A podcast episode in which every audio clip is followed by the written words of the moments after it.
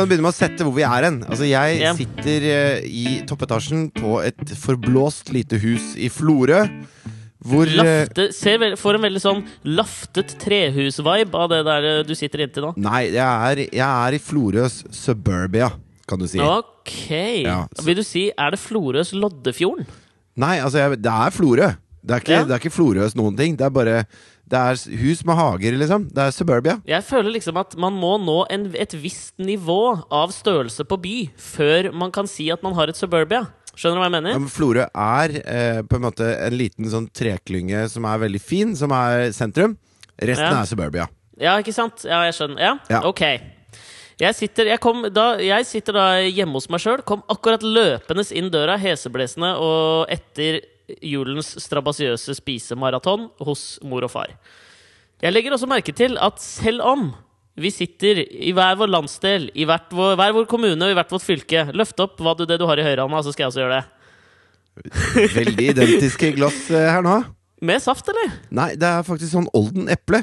Å Du, jeg har ikke vært hjemme hos deg. Er det en peis du har i bakgrunnen her, eller? Jeg har peis på kjøkkenet. Fy faen. Se her. Heftig, ass. Ja, Dette er jo litt flaut at du ikke har vært hjemme hos meg, men uh, sånn er det. Sånn er det. Ja, ja, ja, sør. Da har vi satt hvor vi er, og velkommen til denne juleutgaven av Alex og Fridtjofs podkast. Ja, jeg kan jo begynne med å si at uh, i likhet med store deler av landet, så har det ikke vært snø her heller. Og Nei, altså. i utgangspunktet så syns jeg at det å feire jul når det ikke er snø, er litt sånn trist. Ja, Men er her sant, har vi hatt en, en fullgod erstatning, nemlig hyppig haglevær. Og det er jo en slags snø, tenker jeg da. Ja, men du, Jeg tenkte litt på dette her da jeg satt nå i bilen fra Kolbotn og på veien til byen, og så skulle vi spille inn podkast, som jo for meg blir en lite sånn eh, Som jeg har sagt før også, det er en litt ting jeg liksom ser litt fram til også, fordi det er veldig mye sånn ting man gjør hver jul. Og dette blir på en måte den andre jula du og jeg deler på denne måten. Skjønner du hva jeg mener? Og det ser jeg litt fram til, for det er noe litt annet enn de derre Vanligvis i løpet av jula, jeg vet ikke om du eller lytterne kan kjenne seg igjen i dette, så er det de samme samtalene man har med familien. Ja, det er det. Ikke sant? Og det er, da er dette litt deilig. Det er som en, eh, som jeg har sagt før, jeg har ikke noen annen lignelse eller analogi, men det er som en oase i samtalens ørken. Men føler du, uh, i og med at vi har gjort dette noen ganger nå, dette blir vel podkast nummer 70, hvis jeg ikke tar helt feil, Jøye meg. Uh, føler du at vi også gjentar oss selv? Jo, men vi gjør Altså det på er det en sånn god Når du kommer til den oasen, så er den oasen for, til forveksling veldig lik den forrige oasen du kom til i denne Kalahari-ørkenen av samtaler. Ja, jo, og det er den jo, men det er jo grunnen til at jeg liker den. Du kjenner meg, jeg er en sånn trygghetsnarkoman på en eller annen måte. Så derfor hvis jeg hadde kommet til en ny oase hver gang, Ja. sånn helt speller ny, da hadde jeg ikke trivdes der. Fordi jeg må akklimatisere meg kulturelt til et sånt fenomen i livet. Ja. Og derfor kan jeg så sette pris på dette nå. Og det kom kanskje etter 34-35 podcasts. Men det var litt interessant at du skulle si akkurat det der, for det er noe jeg har tenkt på denne jula. Ok, Jo, men det jeg skulle først si her, da, det var jo det at jeg, tenkte på dette her da jeg kjørte inn Hva er dette her? Det er det jeg kommer til nå. Ok. At skal man du må skal, veldig ofte du sette tema før du sier Ja, dette er noe jeg har tenkt på, og dette her, det er, det er Du må si hva det er! Jeg skal si det nå. Sku, altså jeg vurderte om skulle vi liksom droppe helt ut julesamtalen i denne utgaven av podkasten. Fordi samme hvor du snur deg nå, så får du liksom juletema inn. Men så tenker Ja. jeg kanskje det er det som opptar folk. Altså, Vi må jo snakke om det vi har vært med på. Eh, Ja. Og det må sette en slags sånn derre eh, presedens for hva vi eh, Jeg har ikke noe å snakke om, jeg, hvis jeg ikke kan snakke om, om jul akkurat nå. Nei, det var- det har, det jeg har ut, kun jeg vært jul! Det, har, det er akkurat det samme som har vært hos meg. Og da, da, skal jeg, da, da, er vi, da er vi enige om at da blir det litt jul i Men det dag. som, er, det som er litt deilig med jula, det er eh, ikke sant, Hvis du har bursdag, så er det, det Sjokolade i god mat, si! Ja, det er veldig god mat. Hvis du har bursdag, så er det bare Det er bare én dag som går eh, veldig sånn fort forbi. Mens Mm. jula, da setter liksom hele verden av ikke bare de Nå er det jo to uker juleferie for folk flest. Mm. Ehm, men i tillegg så er det hele desember og kanskje deler av november også, som du bruker til å planlegge og styre og koke årene. Og ja, hvor skulle vi ha pinnekjøtt fra? Det er sånn og sånn, ja, de, de tørker noe jævlig bra. Villsau oppå hist og her. Og, altså, Ja. man, man, det er mye sånn styr da eh, rundt det. Og det bidrar til, også, til å gjøre at man kan suge inn opplevelsene. Har, har du sett det der Radioresepsjonen har hatt sånn nyttårskanonen som de gjorde i fjor? Ja. ja. Hvor de står da med sånne, sånne goggles, sånne sveisebriller av noe slag. Vernebriller, tror jeg det kalles. Ja, de står med vernebriller, ja.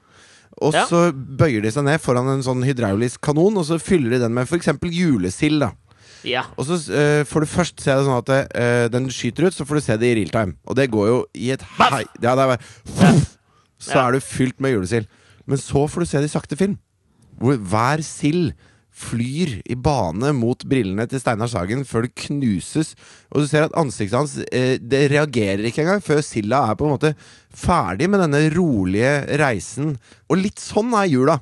For egentlig så er den bare Men fordi man har så mye tid rundt det, så er det som en nyttårskanon i sakte film. Ja, det der var en nydelig lignelse. Og med, det var nesten på linje med noe jeg leste i Lukasevangeliet her i jula. For det leser vi hver dag, hver julaften, da. Gjør det det? Er det veldig Nei, kristen eh, samling ute på Kolbotn? Hedningfamilie. Men uh, det som jeg har lagt merke til denne jula dette, Denne jula her har vært en, en vannskillejul for meg. Okay. Det har vært et paradigmeskifte julemessig. Ja. Eh, jeg har prata med deg før om Du har som Moses Eh. gått på bunnen av Rødehavet, og så har du tenkt skal jeg bade på høyre eller venstre side nå? Ah, Det er akkurat det som skjedde. Ja. Litt sånn Buridans esel, er det ikke det det heter? Det eselet som blir plassert mellom to like store og like velsmakende baller med høy, og så klarer han ikke å bestemme seg for hvilken, og så sulter han i hjel. Litt sånn den litt som den silda på vei til brilleglassene til Steinar Sagen. Oi, hva skjedde nå? Hva skjedde nå? Hva skjedde for noe? Jeg fikk et eller annet i ryggen! Men, bare ett sekund her. Hva? Det var bare Vi har fått så mye flotte sånne badekarting i julegave, så det var bare Mari som skulle vise meg en av de flotte badekartingene hun skulle bruke i badekaret nå. Hva gir man mannen som har alt? Badekar. Badekarting. Jeg har jo begynt den nye tradisjonen. Hva er badekarting? Hvem er det som har gitt deg badekarting? Nei, jeg har fått litt av mor og far og tanter og kusiner. Og Men badekarting. er det, er det skum og sånn, eller er det sånn, fins det noen leker for voksne som man kan bruke i badekaret? Hei, det gjør det, men det er ikke sånt vi har fått. Eh, vi, nei, vi har fått noe som kalles bomber, var den hun skulle bruke nå. Som er sånn du slipper oppi, og så begynner den å bruse. Og så ser det litt sånn raft ut, og så blir det masse skum av det etter hvert. Og så lukter det meget godt. En slags enorm Alka-Seltzer? Ja, en slags badekarets Alka-Seltzer. Ok, jeg skjønner. Poenget da var at jeg har opplevd et paradigmeskifte for meg sjøl i denne jula her. Ja. Og jeg, jeg tenker kanskje det har noe å gjøre Altså Jeg relaterer jo alt tilbake til at jeg skal bli far nå. Det er det ene, Ja. det er det, altså Alle endringer i Ja. livet skyldes det nå. ja. Du, du vet hvordan du snakka om at uh, noen av disse samtalene du har i jula, gjentar seg sjøl? Mhm. Det at du skal spole ting tilbake til at du blir far, er din sånn ørkenkonversasjon. Ja, det er det. Du skjønner, jeg skal bli pappa. skjønner du Jeg er blitt litt følsom i det siste. Jeg, jeg ser ting på en annen måte, i et annet lys, nå som jeg skal bringe menneskeheten videre med mitt avkom. Apropos det. Det som Ja. jeg opplevde da denne jula her det er jo, ikke sant? Man gjør ofte det samme, og det er noen ting som har vært sånne markører for meg på at nå lander jeg i jula, på en måte. En ting har liksom vært at jeg tar også Selv om jeg liksom syns det er litt sånn teit, så ser jeg på denne her Tre nøtter til Askepott, eller som du trodde helt fram til tidligere år at den het, Tre netter til Askepott. En ikke så far-fetched ting å tro, syns jeg. Forklar meg hvor nettene kommer inn i bildet. Nei, det er tre netter til Askepott uh, kommer, da, eller et eller annet sånt. Det er litt sånn som det, det Jeg har aldri fulgt så nøye med på den Hva er det for noe? Bulgarsk? Nei, den er nok, er nok polsk? Ungarsk? Nei, hvem veit. Denne den ser jeg på da hvert år. Jeg bare kom til å tenke på at eh, denne her Tre netter til Askepott Det ville vel mest sannsynlig vært pornoremaken av uh, aka den derre Shaving Ryans Privates. Det ville jo vært pornoversjonen av Tre nøtter til Askepott. Anyways, da. Det, var, liksom- det har vært én markør på jula for meg. At jeg liksom setter meg ned klokka 11, og så ser jeg på den. Og så spiser vi grøt, og så tar jeg så ser jeg litt på disse her eh, julefilmene eh, som han der eh, Timmy Gresshoppe serverer på svensk TV1. Det, Ja, det syns jeg er ganske gøy. ja, det er de tingene det, det har jeg liksom Da er jeg, har jeg landa i jula. Ja. Og så merka jeg i år, så var jo den første jul hvor vi i min familie ikke skulle være tre stykker på kanskje 15 år. At vi ikke skulle være tre stykker, vi skulle være fire. Har du pleid å feire jul bare dere tre? Ja, vi har vært tre stykker helt siden, helt siden ja, så lenge nesten jeg kan huske. Men har du aldri feira jul med noen kjærester før? Aldri feira jul med noen kjærester. Så alvorlig har det ikke vært. Oi, Men da blir du sånn veldig Altså Du husker forrige podkast så snakket jeg om hvordan Thea eh, Altså eh, seksåringen reagerte så heftig på at hun ville ha gaver. Hun ville ikke Ja. gi så fin gave til moren sin. At, så hun begynte å gråte fordi mamma skulle få så fin gave. Ja. På den negative måten. Og jeg Ja. tenkte liksom Oi, for et, eh, for et lite drittbarn. Hun ble ikke rørt, Um, liksom. Nei, ikke sant? Og det har jo sikkert litt med sånn enebarnoppdragelse også. Ja. Eh, hun er jo ikke per definisjon enebarn, men hos meg og Katrine så er hun jo et enebarn. ja. Uh, uh, og da, te da tenker jeg at den, den enebarntingen er ikke bare sunn. da Man trenger å, å groundes på en eller annen måte. Men hvis du har feira jul i 15 Altså, i alle år, egentlig. Nei, men jeg- med bare mamma og pappa. Nei, jeg har, jeg har feira med flere onkel. før. Ja, Min blinde onkel, min mormor og min bestefar. Vi bodde jo med dem òg. Men de gikk jo bort, sakte, men sikkert. Så vi har vært tre, liksom. Ja, de Jo, men det er- det er fremdeles du som har vært- år, ja, ja. Det er fremdeles du som har vært eh, hovedfokuspunktet her. Du har vært barnet. Kanskje den blinde onkelen pga. handikappet også ble et slags fokuspunkt. da At man måtte hjelpe han inn og ut av stua. Man hadde litt ekstra omsorg for han også. Men, men du har vært barnet. Ja, å, Helt fram til i fjor. Ja, ja, ja. ja. Ja, ja, ja, ja. Alt dreier seg om deg, egentlig. ja det gjør Hva, hva er det du vil ha, Alexander? Ja. Ja, det er litt sånn ønskeliste blir handleliste for mor. Ja, Du får 500 gaver, og de får tre hver, eller noe sånt. Nei, vi, vi er faktisk ganske jevnt fordelt på antall gaver. Det er bare det at mine har vært jævla mye finere enn alle andres. Ok, jeg skjønner. ja. Men her, da, og i år så var jo da Mari med eh, på julaften hos oss. Ja. Det gikk veldig fint, det. Men jeg tenker jo kanskje det er også litt av grunnen. Fordi da kom vi til Kolbotn tidlig på, på morgenen på julaften. Og så tenkte vi uh, Hun hadde samme tradisjon. Vi skulle sette oss ned og se på uh, Tri Oriski pro populka, som det heter på et eller annet østeuropeisk språk. Det høres ut som en pornofilm. Det gjør det. Men så skulle Mari, da, Mari og jeg da sette oss ned og så se på eh, Tre nøtter til Askepott. Og jeg merka jo kanskje etter 30 sekunder så kjeda jeg meg, ass. Jeg kjeda meg noe jævlig. Så, Fordi Mari var der? Nei, nei, men hun sovna jo. Hun sov jo ikke om natta, hun er gravid. Så hun Ja. sovna jo. Og jeg merka at liksom, For vi hadde satt den på pause litt, for vi rakk ikke akkurat starten. Så vi kunne liksom spole. Jeg, jeg spolte gjennom de greiene der. Syntes det var utrolig kjedelig. Og så tenkte jeg ok, julen er ikke tapt helt ennå. Det kan hende at jeg elsker tegnefilmene fortsatt. ikke sant? Ja. Syns det var gørrkjedelig. Det var helt kjørt? Ja, det var helt kjørt. Da, Du satt og så og på Timmy Gresshoppe og kanskje- savnet at eh, eh, Hva var den het for noe på polsk igjen? Tri Oriski pro populco, tror jeg. Ja, savna at Oriski skulle få noe Propulko oppi orisken sin? Ja, kanskje. altså bare kanskje et eller annet nytt. Og dette har vært litt sånn eh, betent for meg. Jeg liker jo liksom tradisjoner. Veldig sånn opptatt av at vi skal gjøre det samme og alt mulig sånn. Men så det ble, det ble en litt sånn mindfuck for meg. At jeg sjøl ikke eh, satt pris på det jeg har liksom innført av tradisjoner. Men la meg kaste en brannfakkel inn på banen der. Ja. Men med fare for å gjen, altså, gjenta deg. Ja, Kanskje dette er fordi du er i ferd med å bli pappa. ja det er det jeg tror. Barn, du har vært barn i 30 år nå. Ja. Og plutselig nå så sitter du der, du har eh, din Hulde Viv på armen mm. og skal se på Timmy Gresshoppe. Og så vet du at om ett år så ser du ikke på Timmy Gresshoppe for lille Alexander sin del. Da er det lille Fatima som dere skal føde. Det er sant, altså. Ja, ja, ja, det blir jo det. Ja. Omfavne multikulturalismen. Da er alt for henne. ikke sant? Da er det da er henne alt det dreier seg om. Og du er, du er mentalt innstilt på dette. Mm. Så plutselig så klarer du ikke å innta stillingen som barn lenger. For du er blitt mannen. Du er blitt mannen i forholdet. Fy faen.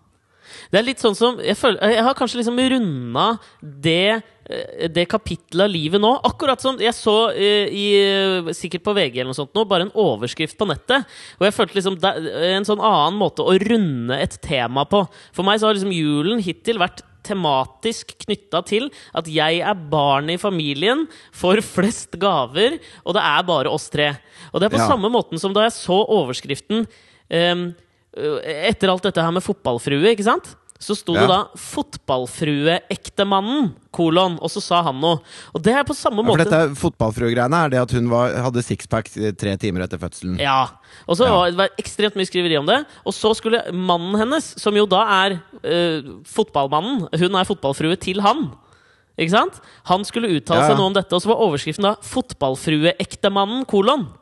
Og da har du på en måte Den biter jo seg sjøl i halen på samme måte. Da har du liksom runda fotballfruefenomenet, føler jeg. Han er, han er ikke fotballfrueektemannen. Han er fotball! Det er hun som er fotballfrue. Ja, men det blir jo det. Ja, men det Det er akkurat som altså, du vet, Hvis du spiller Tetris, da ja. Du spiller Tetris på, på PC, Mm. så er det sånn De fleste slutter eh, før det Altså, man blir ikke så god at man kommer til sånn Altså, man, man stopper på et punkt. Ja. Det, det skjærer seg.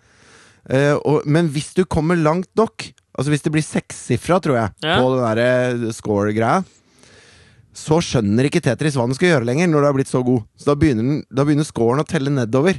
Hæ? Ja, den gjør det. Jeg, jeg, kom, jeg, jeg ble så god at jeg kom nesten ned til null igjen. Ja, det var det jeg satt og venta på.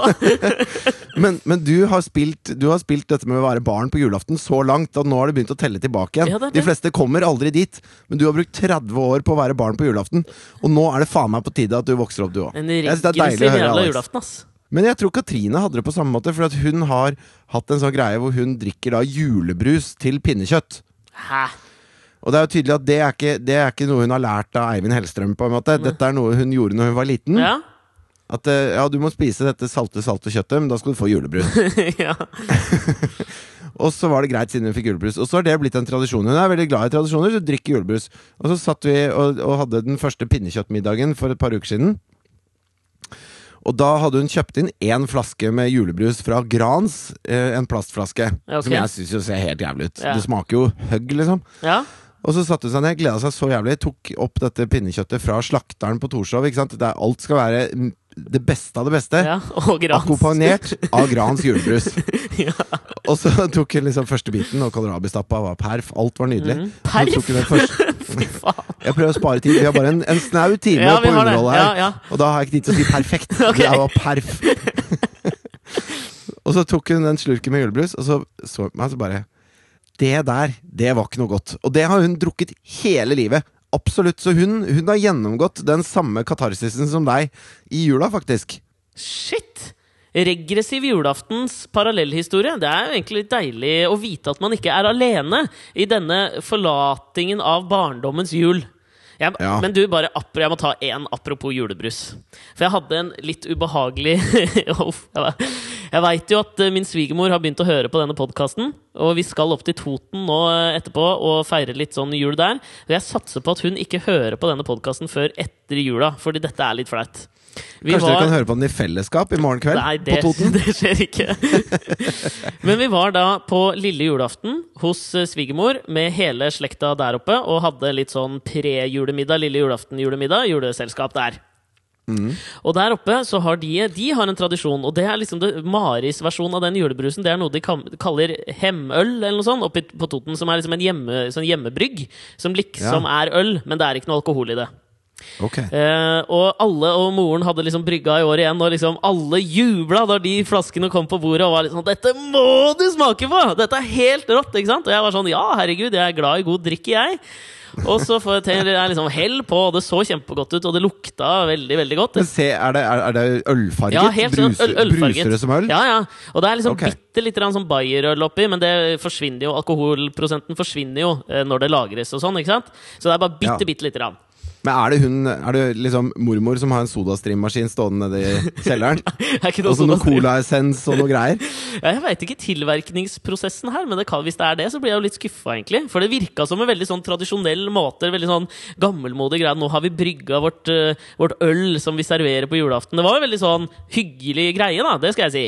Ja, ja, ja. Ikke like hyggelig hvis det er en sodastrimmaskin. Men jeg liker å se at, tenke at det ikke er det. Faen, jeg har lyst på sodastrimmaskin. Nei, du må Nei, ikke bli han. Ikke bli han som bor i Mjøndalen og har sodastrimmaskina. Og sverger til sodastrimmaskina si. ja. Nei, men det som skjedde da, det var at disse kom på bordet. Alle tar og liksom nyter og Å, herregud, den er bedre i år enn noen gang. Litt sånn som man alltid sier om mors ribbe. Men så tar jeg altså jeg får et svært vinglass, liksom breddfullt nesten. Med, det er så mye, da. Og så tar jeg liksom første slurken, og så kjenner jeg liksom at dette her er helt jævlig. Hva er det det smaker? Hvordan lager de dette? Nei, jeg vet ikke, men det smakte liksom sukker med brent knekk og bitte litt Bayer, liksom. Ok, Det høres ikke spesielt godt Nei, ut. det var, jeg syns ikke det var noe godt. Problemet er at du sitter i en forsamling hvor alle elsker det. Ja, ja, ja. Og jeg er ikke typen som er ærlig da. Skjønner du? Nei, ja, det er litt som å være i Vatikanstaten og så få nattverd, og så si Å, fy Ja. faen, den kjeksen der var litt døll, Ja, hva faen, Gi meg noe, gi meg noe Maryland cookies. Gi meg noe liksom, små sjokoladegreier oppi dette her. Ja, men det var litt sånn, Så jeg sier jo da selvfølgelig liksom Å, herregud, så megagodt dette var! Uten den lille ironien jeg hadde i stemmen der. Så at det, det blir jo påfyll gjennom hele kvelden. ikke sant? Så får jeg jo påfyll av dette hemølet, så jeg sitter jo og tvinger i meg. Det var virkelig sånn hver slurk måtte jeg liksom sånn Jeg måtte tvinge i meg hver slurk. Og så plutselig kom den vanlige julebrusen på bordet, og det eneste jeg ville ha, det var den vanlige julebrusen. Men jeg fikk jo påfyll på påfyll! Å, fy faen, det var vondt. Men svigermor er topp, altså. Men noe ølbrygger blir hun aldri. Nei, det gjør hun ikke.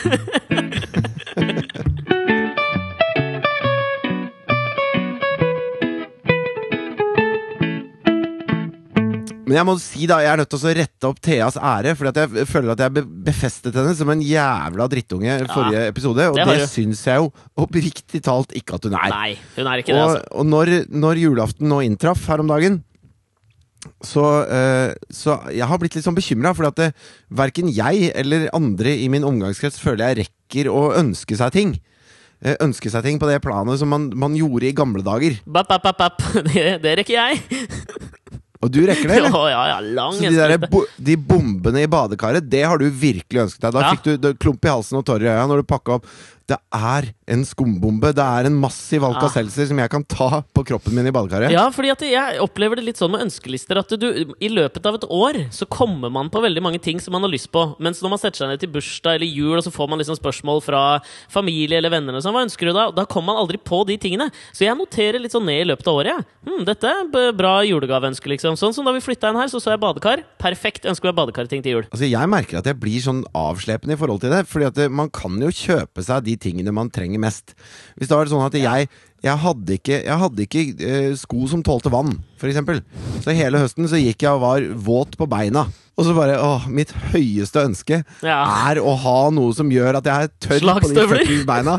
Jeg ønsker meg gummistøvler, Ja. men jeg har ikke råd. Det er umulig Ja. for meg å være tørr på beina. Eh, og så får jeg det under juletreet. Så ser jeg en pakke som er sånn, du vet, hard i bunnen, myk på toppen. Merkelig nok formet som et par slagstøvler inni papiret. Med en liten sløyfe på hvor det står 'Fra mor og far til vår kjære sønn som alltid er kald og våt på beina'. Og så får jeg de gummistøvlene, og så kjenner jeg tårene presser seg ut og renner nedover kinnet. Står det på merkelappen?! på? Det var ikke poenget! ditt nek. okay. Poenget var bare at da begynner jeg å gråte av glede, for dette er noe jeg virkelig trenger. Hva Stopp pressen. Stopp pressen. Er, sier du det som et symbol liksom, på at du ble veldig Ja. glad, eller begynte du å gråte? Nei, og jeg fikk ikke noen gummistøvler. Dette er historie. Fikk du Altså, ikke det- gummistøvler? Åh, jeg har gummistøvler! Jeg er tørr på beina, din nek. Jeg bare sier at det, sånn burde det vært. Altså, sånn burde man kunne hatt det. da At, at den gaven er den derre altoppslukende tingen. Nei, men Jeg trodde jo virkelig at du hadde kanskje fått den gaven og begynt å gråte, og endelig funnet din indre følsomme mann. Nei, jeg prøver bare å si at det, sånn, sånn kunne jula ha vært. da Sånn tror jeg det var før, liksom. ok! Men hva skjedde i år som gjorde at du kom i nærheten av, av den følelsen? Nei, altså jeg var jo redd for at Thea, da når hun skulle pakke opp sine 11 000 gaver under juletreet, Ja? bare skulle kaste det til side og, og kimse alle andre som fikk gaver, og, og være den som hun var for et par uker siden. Ja? Som jeg ikke likte så godt, da. Mm. Men det som skjedde, var at hun har eh, For noen år siden så fikk hun en sånn, en sånn kanin som hun koser med. Ja. Eh, og så var den litt uinteressant, for hun har en annen kanin. ja. Og den var så interessant at jeg fikk lov til å døpe den, da. Okay. så jeg, jeg kalte den Bottolf. ja. Eh, og og de, den heter nå Bottolf. Mm. Og så eh, hadde hun med til faren sin, og så brukte hun aldri. Og så fikk søsteren hennes Bottolf, og han var, han var ukost med. Han var en kanin som ikke oppfylte sitt, eh, sitt virke, da. ja. Og så begynte Thea for et par måneder siden å savne Botolf. Noe helt intenst. ja. Og det, sånn, det førte til liksom, eh, sånne netter hvor hun gråter seg til søvn fordi hun savner Botolf. Har det så fælt uten Botolf. Vi har da kjøpt Botolf, og det er kanskje den tredje gaven hun pakker opp. Og da eh, ja dere kjøpte eh, en ny Botolf? en ny Botolf. Identisk Botolf. Ja. For vi kan liksom ikke ta Botolf fra lillesøstera når lillesøstera er dødsglad i Botolf. Det går ikke. Så Thea får pakken hvor vi vet at inni der er Botolf. Og så pakker hun opp, og så ser hun det. Og så sier hun «Bø, bø». Og så til slutt så stotrer hun fram ordet Botolf. Og så det, fa faller hun på knærne mens hun klamrer den inntil seg. Og tårene renner i strie strømmer.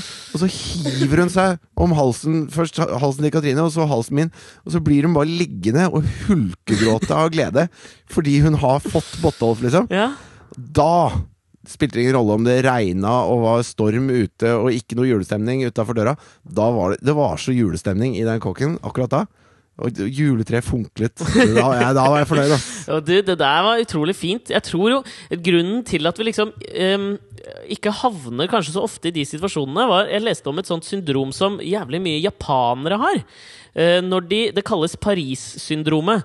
Når japanere reiser på ferier det, Japanere har jeg en sånn tanke også om at de planlegger feriene sine veldig lenge i forveien, og så får de en sånn forventning. ikke sant? Og Det er, det er derfor Ja. det er kalt Paris-syndromet, fordi det er veldig vanlig at de får det i Paris. Når japanere kommer dit med Nikon-kameraene sine, og skal de ta bilde av Eiffeltårnet som de har liksom bygd opp til monstrøse proporsjoner, og liksom hvor fantastisk Eiffeltårnet er, og triumfbuen, ikke sant? Og så, er det ikke, og så tilsvarer det ikke det de har forventa seg.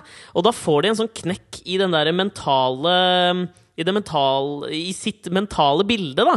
Sånn at de, de, de blir rett og slett De blir litt sånn smågærne. Altså, det de, de klikker for dem. Det er Paris-syndromet. Det er Kanskje vi skal døpe dem til julesyndromet? Men de burde egentlig reist til uh, Las Vegas, de. For der er alt mye tettere sammen og større enn det er i hele resten av Da kan de gå fra Keopspyramiden via Sfinksen til Eiffeltårnet og under Triumfbuen på bare ti minutter, og så få seg et bedre måltid. Kan- Neste år, eller? Jul i Vegas? Ja, det kan vi gjøre.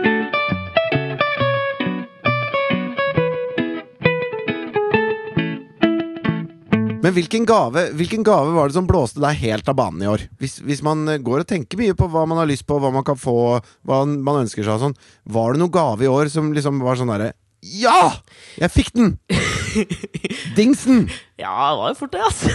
Hva var det? Jeg, du, og dette her var fordi at jeg hadde ønska meg innmari lenge nå, og ikke kjøpt sjøl. og Fy fader, nå Jeg blir en parodi på meg sjøl nå, vet du. Fordi at det, grunnen til at jeg ønska meg dette, var også fordi jeg skal bli far.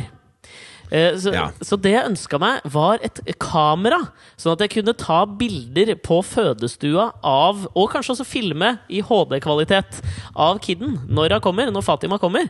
Og det fikk jeg. Fikk et kjempeflott kamera. Og da ble, jeg, da ble jeg veldig glad. Og så fikk jeg iPad av Mari, og da ble jeg også veldig veldig glad. Ikke sant? Forpliktet Oi, til gave, å si gaven man fikk av kjæresten. Hvis ikke så er, er man ute å kjøre. Hva med deg sjæl? Ja, kjempeflott. Nei, altså Jeg, eh, jeg er jo ikke så flink til å ønske meg ting, sånn at jeg får veldig ofte mye overraskende greier. Ja. Eh, og det, det syns jeg er litt gøy, da. Eh, men eh, Katrine hadde ordna en, en tur til Berlin med meg og henne. Fy faen. Og eh, jeg har Altså, vi, hun har ofte lyst til å reise på ferie, som, eh, så mange andre. Og da er det ofte liksom London, Paris eller New York. Det er liksom de stedene som hun eh, foreslår, hvis det ikke er Syden, da. Eh, men og så har jeg sagt ja, men kan vi ikke prøve litt sånn østblokk eller Berlin? Berlin er jævlig kul by, jeg har lyst til å reise til Berlin. Mm. Og så har det liksom aldri blitt noe.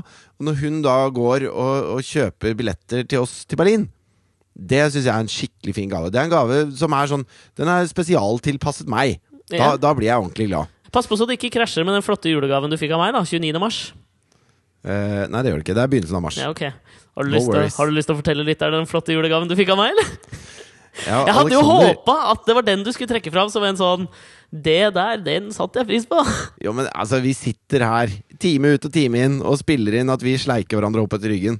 Da, Hvis jeg først skal nevne en julegave jeg har fått, så må jeg ikke nevne den fra deg. For så vidt sant. Jeg, og- jeg leste første juledag nå, så tok jeg og leste den biografien til Carpe Diem, som har fått så innmari bra kritikk. Ja. Eh, og der var Den var utrolig bra. Den anbefaler, jeg, den anbefaler jeg folk å lese. Det var ikke poenget. Poenget var at der øh, De har jo skrevet litt hver for seg, Chirag og Magdi, hvor en av liksom, kapitlene handlet om at Magdi ikke gir Chirag noe skryt, for det mener han at han kan få fra noen andre. Og da vil man alltid liksom hige etter den anerkjennelsen, og det liksom får deg framover. Det tror jeg er en, det tror jeg er en riktig observasjon og riktig utført av den ene halvdelen i Carpe Diem. Okay. Takk for meg. Har du skrevet den sammen, eller? Ja. Ok. Bare lurte, jeg. Flinke, de. Du fikk jo Du fikk billetter til Mike Tysons uh, Ja, det det, ja. foredragsshow, hva faen man skal kalle det. Det syns jeg var en rimelig flott gave. Hæ? Ja, Det er en sinnssykt fin gave. Og, og jeg er Jeg tror jeg aldri har vært så spent på hva innholdet i et show kommer til å være. For Mike Tyson kan jo to ting. Han kan denge folk og ligge med folk. Det er de to tingene. Og bruke penger. Det er han også Ja. jævlig flink til. Ja, å ja, ja, han kan nok litt mer. Men det som er, der tror jeg kanskje vi kommer til å møte på det. For jeg har bygd opp en sånn enorm forventning til å dra og høre på Mike Tyson. Spesielt når du kaller showet ditt The Undisputed Truth. Da setter du, du setter lista høyt. Kanskje jeg kommer til å få et sånt Paris-syndrom når vi kommer dit. At det blir helt jævlig skuffende å bare høre på den lespinga. Jeg føler at han kommer til å rote fælt. Men, men han, han har jo Altså, jeg vet ikke Jeg vet at begge vi to har sett dokumentaren om Mike Tyson som kom for et par år siden. Og det er jo eh, Det er jo ganske sånn eh, forstyrrende TV-titting, på en måte. Ja. Han, han er jo et, eh, et menneske med store, store problemer. ja. Eh, og, og han har slått seg ut av de problemene opp gjennom livet. Og, og derfor tro, Jeg tror ikke at han kommer til å komme Han er så, så derre Så du vet Dan Brown? ja. Han er eksepsjonelt bra til akkurat det han gjør. Men han får ingen anerkjennelse i litterære kretser. Nei, og det er riktig. Ja, eh, altså faktisk. Jeg begynte å lese en bok av Dan Brown i går. Eh, det tapte okay. symbol. Syns den er litt spennende, jeg må innrømme det. Syns det er mange Ja. sånne fiffige symbolbruk, eh, vitenskapelige snurrepipperier. Og han bruker jo veldig mye informasjon som er korrekt. Altså Det er liksom hans greie. Ja. At han setter sammen mye korrekt informasjon på en ny og spennende måte som gjør at folk får litt sånn derre ah, Om den samtiden vi lever i, og historien vår, og, osv. Ja. Og det, og det syns jeg er et slags kjennemerke på en god forfatter. Det er ikke alle som må gjøre det med dype indre skildringer av uh, samlivsbrudd, f.eks. Det er ikke bare det som skal til for å skape en god forfatter. Jeg syns også han ja, han evner å lage en slags populærvitenskapelig bok innbakt i en krim, og det syns jeg han fortjener litt mer kred for. Men det er ingen som forventer at han skal på en måte skrive om uh, verdenshistorien. At, at uh, han skal bli en ny Hemingway. Det kommer ikke noen nobelpris i posten til han. Gjør ikke det, og Han kommer nok ikke til å bli stående igjen som symbolet på den store litteraturen på 10- eller 00-tallet. Av, av god grunn. Hans styrke er at han kan masse, og så evner han å sette denne kunnskapen inn i bøker som er lettleste og spennende. Som får tida til å fly. Litt samme føler jeg kanskje at det er med Mike Tyson. Hans styrke var å slå folk i ansiktet hardere og fortere enn noen andre. Så når han nå skal komme og fortelle deg og meg hva som er den ubestridte sannhet, så forventer jeg meg ikke stor visdom. Nei. Men jeg forventer at jeg kommer til å le i større grad enn at jeg kommer til å gå ut derfra som et slags opplyst menneske. Det er ikke Dalai Lama, det er Mike Tyson.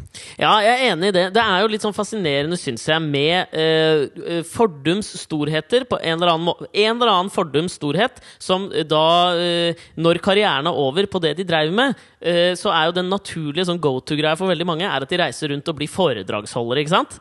Jeg tenker sånn som Ja, ja. Kanskje den, eh, det ultimate symbolet i verden i dag er vel type Bill Clinton, tenker jeg. Han er vel en av de mer ettertraktede foredragsholderne. Og sikkert en av de dyreste òg, ikke sant? Ja. Um, hvor jeg tenker Mike Tyson brukte for meg overraskende lang tid på å komme dit hen at han Herregud, jeg burde sette opp et, eh, en eller annen slags form for show. Han har jo ikke klart å si en sammenhengende setning før nå. Av mangel på ord så biter han øret av Evander Holyfield. Han, han er ikke en ekvilibrist, denne mannen. Nei, det er veldig gøy hvis du ser på Han har jo en liten sånn cameo, som det kalles, i filmen Hangover. Og det som er veldig gøy hvis man ser på den, og det mener jeg at jeg kan stå for, selv om det er lenge siden jeg har sett på den, at alle klippene med Mike Tyson, alle scenene han er med i, er ekstremt sånn De er tett klippa. Fordi jeg tror ikke han klarer å huske jævla mange replikker på, på rappen, liksom. Nei, og så mener jeg at det at han er i rommet, går ut over de andre skuespillerne. Fordi at du ser at alle er bare litt redde. Ja, det- det... er ingen som klarer å spille ordentlig skuespill, fordi de er, redd for hva Han er en sånn tikkende bombe. Han, ja, altså hvis, han er liksom den fysiske versjonen av det Christian Bale er verbalt mot sånne gaffers på sett. Da liksom, ja, hvis han hadde blitt sin, så hadde han bare dunka ned, han lysmannen. Da, jeg kan gi deg en utfordring 29. mars. Du skal hekle Mike Tyson. det er farlig, det!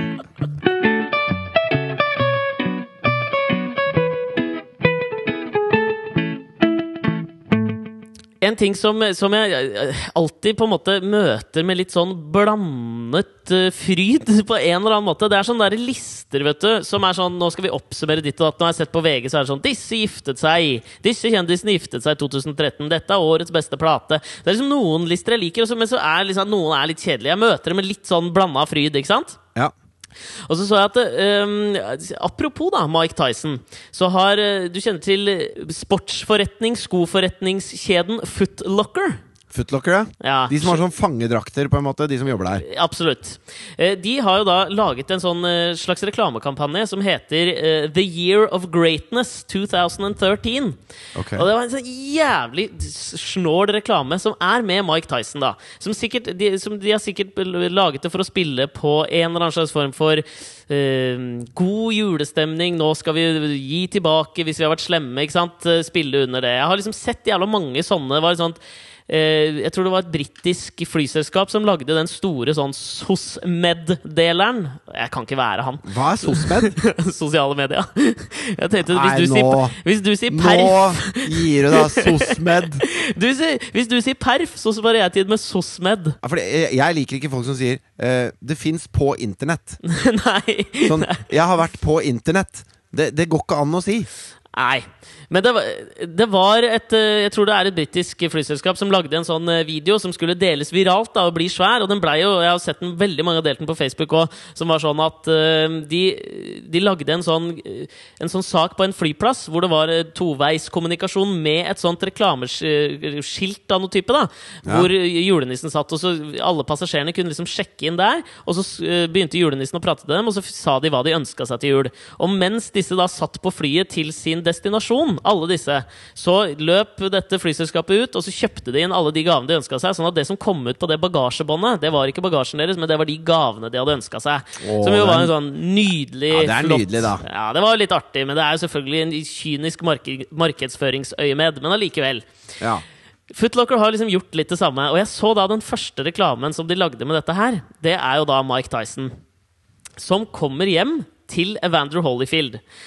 Eh, og det Er, jo de, er de venner nå, eller? Nei, jeg tror ikke det, men det var jo liksom målet, da. Fordi, altså, greia med dette her var vel at det var vel i 1997 hvor uh, Evander Holyfield og Mike Tyson slåss mot hverandre, og Mike Tyson beit da Evander Holyfield i øret. Han beita en liten bit av øret hans. Ja, han, han beit han ikke i øret, han, han beit av øret hans. Men dette som det som de har fått av Mike Tyson til å gjøre, er at han uh, ding-dong liksom kommer hjem til unnskyld, bare et lite Hva er det for noe? Ja, Ja? hvem er det som beita øret til noen? Hvem som beita øret til noen? Uh, det er en som heter Mike Tyson. En bokser. Ja. Hva skjedde med han da? Nei, Han ble så sinna, og så gikk det litt skeis for han. Det er litt som når Mikkel beit deg i rumpa. Mikkel er da halvbroren Han til beit bare av en liten bit av øreflippen. Var det vondt da? Det tror det var ganske vondt.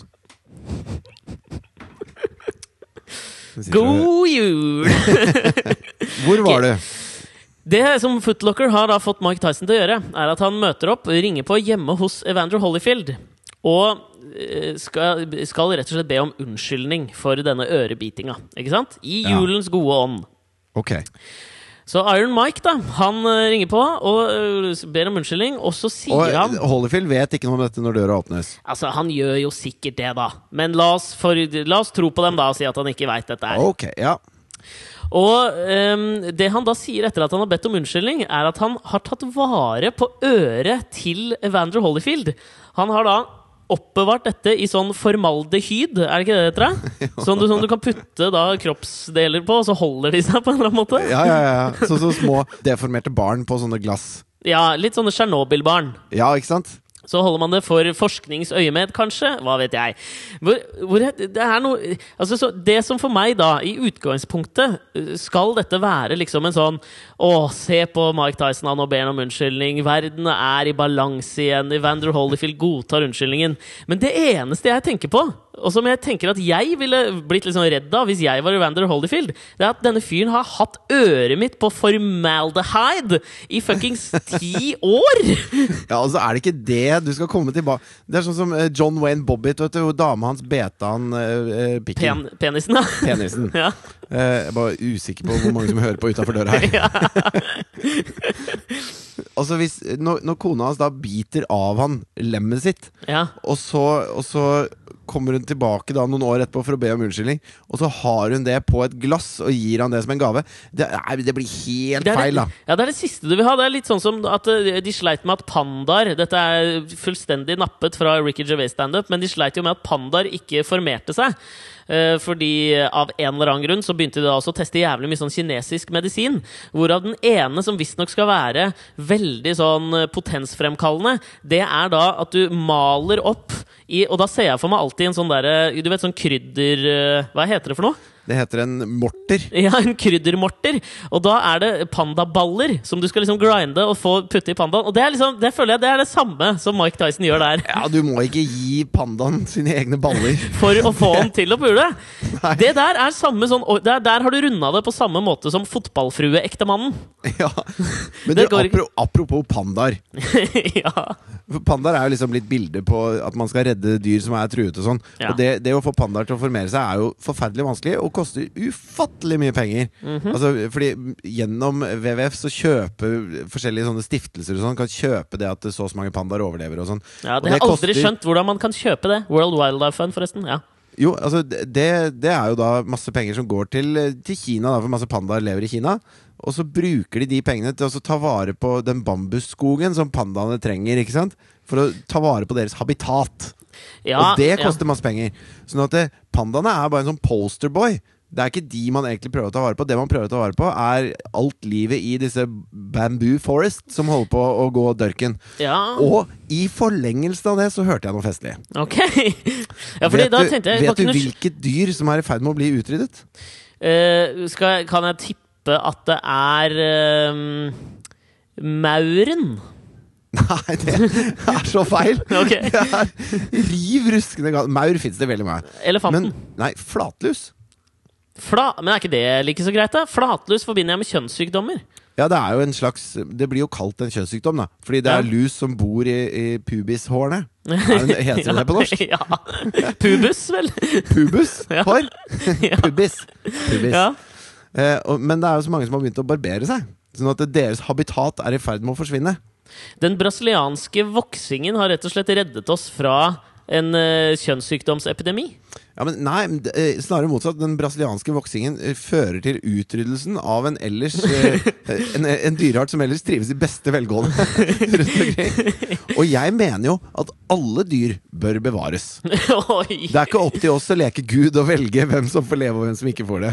Så du støtter vel egentlig Ok, du støtter da at man lar busken gro, selv om det medfører ekstremt ubehag for seg selv, og kanskje at man sprer det til andre, bare for at flatlusen skal få overleve i sitt naturlige habitat? Ja, For det man ikke vet, er altså Flatlusen kan ha et eller annet eh, form for virus som kan være veldig nyttig i form av, eh, altså, til å be bekjempe andre sykdommer, f.eks. Dette vet man ikke. Nei, det Dette eneste jo- man vet, er vel at flatlusen var jo den som starta aids-viruset. Hiv-viruset. Var ikke det en, en mannlig flyvert, en mannlig purser i USA? Som var patient zero? Det var en mannlig flyvert som var patient zero. Han døde vel eh, var vel på slutt, starten av 80-tallet, slutten av 70-tallet, etter å ha spredd det til ekstremt mange. Ja, for Han jobba i Pan Am, tror jeg. Og så Ja. fløy han da skytteltrafikk mange byer hver dag. Ligge, ligge, ligge, ligge, ligge med eh, homofile menn overalt Mm. hele tiden. Spre aids. Ja, ikke sant? Og der ser du, det, ikke sant? det er det samme der. Det er på en måte der runde sirkelen opp igjen. Nå har jo Pan Am gått konkurs. Som jeg føler er da Guds lille måte å gi fingeren til dette på. Men jeg kom bare til å tenke på det, fordi av en eller annen grunn som jeg ikke skal gå inn på, så leste jeg en lang forskningsartikkel fra Fafo nå i jula om, eh, det, om det kinesiske helsevesen. Var det den som lå under Altså på hylla under stuebordet når Tre nøtter til Askepott gikk på skjermen, eller? Ja, omtrent, eh, omtrent da. da kan du, det, her, det er tegnet på hvor lite interessert jeg nå er i jula. Jeg vil bare gi andre glede. Og da tenkte jeg, les litt om det kinesiske helsevesen. Men det, det er derfor jeg tenker at alle de spenna vi spytter ut til de pandaene Fordi dette, altså 80 av menneskene i Vest-Kina mangler jo Fy faen, nå kjeder jeg meg til og med meg sjøl, ass! De mangler jo grunnleggende helsetjenester. Og da kanskje vi bør liksom bare prioritere litt. At vi bør redde liksom Pandaen kommer på en tredjeplass i Kina, kanskje. For hvis den da ikke gidder å pule Det er jo det det står og, står og, står og vipper på her, om den puler eller ikke. Og da føler jeg at det er på en måte evolusjonens måte å si fra om at da har du ikke livets rett. Dette vakre, nydelige samkvemmet mellom to mennesker, eller dyr, Og hvis du ikke gidder å gjøre det engang, da er du for lat til å overleve, liksom. Ja, for Du mener at det er alle disse menneskene som er, for å si det som eh, Evander Holyfield ville sagt det, øremerket til pandaene, ja. de burde egentlig brukes på helsevesenet. Fordi at ja. pandaene er for late til å ligge med hverandre, så de fortjener ikke å overleve. Ikke det hele tatt. Men da syns jeg at flatlusen lider en, en vel så hard skjebne. Altså bare fordi at vi ikke har lyst på hår i tenna, så, så, så dør oh, hele Bumper!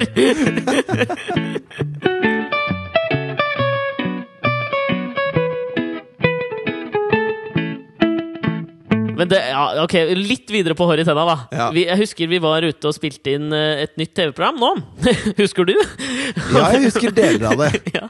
Og da endte vi en kveld uh, hvor vi tok noen, tok noen øl, da. Noen av vi som var på produksjonen. Hvor vi kom inn, og da var det bare gutter som satt rundt et bord og drakk eh, masse øl og drinker. Og da kom man jo ofte inn på sånn Det var faktisk bare, bare gutter som satt i en skybar og drakk eh, sånn Manhattans. Ja, det var, ikke veldig, ja, det var veldig sånn Sex and the, sing, sex and the Single-liv, hører du? Sex and Ja. Single-liv-greie med gutter. Det var litt flaut, men jeg prøvde liksom å bygge opp et annet bilde. Men det fikk jeg ikke lov til. Det var en gjeng med pandaer som satt der oppe. Ja, de hadde ikke livets rett, ass. Men eh, da fortalte da lydmannen vår at uh, første gang han hadde gått ned på en dame, så hadde Altså han da med fjeset. med fjeset. Ja. Så hadde han da gjort det og stått opp dagen etterpå. Og, skulle, og så skulle han da i frokost med denne øh, da, damens foreldre. Hvor han hadde da under frokosten funnet hår i mellom tenna! Ja.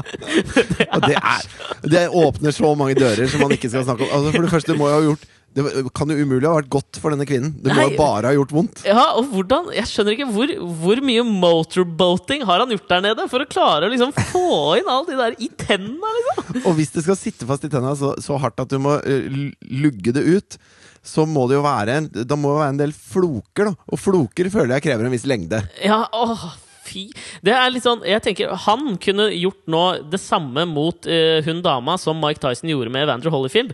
At han nå denne jula så ringer han på døra hjemme hos henne, og så sier han 'Her er håret! Jeg har beholdt det i formaldehyd'. Unnskyld, kan jeg prøve en gang til? Men kanskje denne dama egentlig var en dyrevernsaktivist? At hun kjører sin egen eh, private lille Movember der nede for å Ja. redde flatlusen? Det er det siste da du har lyst til å møte. Hvis du da går ned på en dame, så har jeg jo sett at det er, at det er mange som, som Det fins vel noe som heter sånn vajay uh, bejazzle-greier, hvor du kan liksom pynte Det heter hva for noe? Bijazzling, eller et eller annet sånn vajaybejazzle.com, føler jeg er nettsida. Jeg vet ikke hvorfor. Jeg skal rett på jjbejazzle.com etterpå. Hei, vajayjay! Men at det, du, der kan du kjøpe en del sånne smykker og ting som du kan liksom um, ja, Bijouteri kanskje også, som du kan uh, utsmykke, utsmykke vaginaen din med. Kanskje også vulvaen. Jeg vet ikke hvor langt opp det går. Men det er jo noen sånne ting du ikke har lyst til å møte der nede. Og det jeg hadde fått veldig sånn sjokk over, var hvis en dame hadde på en måte gjort om da pubeshåret sitt til en mustasje. Skjønner du? En sånn lang Ja. mustasje som går ned. Sånn biker-mustasje. Det er det siste. Sånn James Hetfield-mustasje? Ja, å, James Hetfield Eller hvis, 1989-mustasj. hvis du går full smultring, på en måte. sånn Ja, er rundt hele. Men det syns jeg Altså, jeg, jeg er åpen Jeg har ikke noe imot litt kjønnshår. Det er helt Nei, greit. det er Altså, nydelig, det. Ja, og, men, men det er litt som, litt som med fullskjegg også. Ja. At det, eh, altså den åpningen da i ansiktet som fullskjegget går rundt, altså munnen Ja, Det kan være veldig ryddig og pent å ha et fullskjegg, og det ser hipstersk og kult ut. ja. Men i det øyeblikket du har det, det håret som ligger framover, og så krøller seg nedover og er på vei innover, Ja. sånn at det ligger over og under og ned inn i munnen ja, Sånn som når du drikker øl, så sitter skummet i veldig lenge etterpå. Ja, det er umulig å, å spise noe uten sugerør hvis det, ikke skal, hvis det ikke skal feste seg i barten, liksom. Ja. Da er det for mye. Da, da, må du, da må du trimme akkurat det. Og litt sånn har jeg det eh, der nede også. At det, det, det er vel Venusberget den øverste delen heter. At Venusberget må gjerne være behåret. Men mormunnen Mormunnen rører du ikke. Ikke uten min mormunn. Faen meg. Ah. Tre nøtter til Askepott. Fy fader. Vet du hva, Det eneste jeg tenker på nå med Tre nøtter i Askepott, er han kameraten din som lurte en ballestein oppi rumpa på kjæresten sin. Ass. Det er det eneste jeg tenker på etter Tri Oriski Propopulco. Ja, de, men han eh, Det er jo en annen eh, jeg kjenner som kunne spilt liksom, den andre mannlige hovedrollen i Tri Oriski Popopulco. Ok Det er, en Er det Jarle Bernhoft? Nei, det er ikke Jarle okay. Bernhoft. Men det er en fyr jeg kjenner som hoppa på sykkel en gang i ungdomstida, og så landa han på stanga, sånn at den ene, den ene kula hans skøyt opp i kroppen. Eh, som en slags sånn Du vet sånn på tivoli når du slår på Ja. den der bjella? Ja. Litt sånn. Litt sånn bong! Og, og nå befinner den ene testikkelen seg i nærheten av brystvorten hans.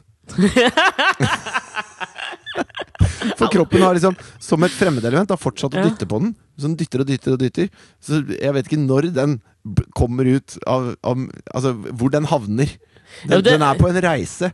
En reise til julestjernen. Å nei! Ja, men Det eneste han må huske å gjøre, det er når han bæsjer eller tisser den ut. Pirke den opp med en pinsett, ha den i formaldehyd og gi det til sitt barnebarn i 2022. Dette, mitt lille barnebarn, var min Popapulko. Popapulko! Ja, nå er det blitt et polskole på Balstein. Ja. Dette var min Popapulko helt til pappa hoppa på sykkel. hoppa på sykkel, pappa Pulko! Pappa, pappa hoppa på sykkel, så Popapulcoen Jeg gir meg nå, før jeg blir helt bejazzled. God jul, da, folkens. God jul! Og drit i de der vanlige nå. Alle går inn på Facebook og så legger med sånn 'God jul', 'Godt nyttår'. Ta så Heller Legg ut. Hør på Alex og Fritjofs podkast. Legg noen bilder. Ta video av dere sjøl når dere hører på oss. Send oss mailer. Like oss. Gi oss bare en bekreftelse. Fordi det, hvis ikke Altså, vi går ut ifra at alle elsker det. Og hvis ikke så kommer vi til å ende med et stygt sånn Paris-podkast-syndrom om at det er ingen som gjør det. Ja, Vi er noen barmhjertige samaritaner som deler ut, gir dere auditive gaver hver, hver eneste uke hele året. Nå skal vi ha en gave tilbake igjen, og det er å, å bygge like opp under det lille egoet vårt. Vi har ja. en jævla bekreftelses-like-fest Ja. på SOSMED. Takk skal du ha. Det hadde vært perf! Ja, perf. Ha det! Hei.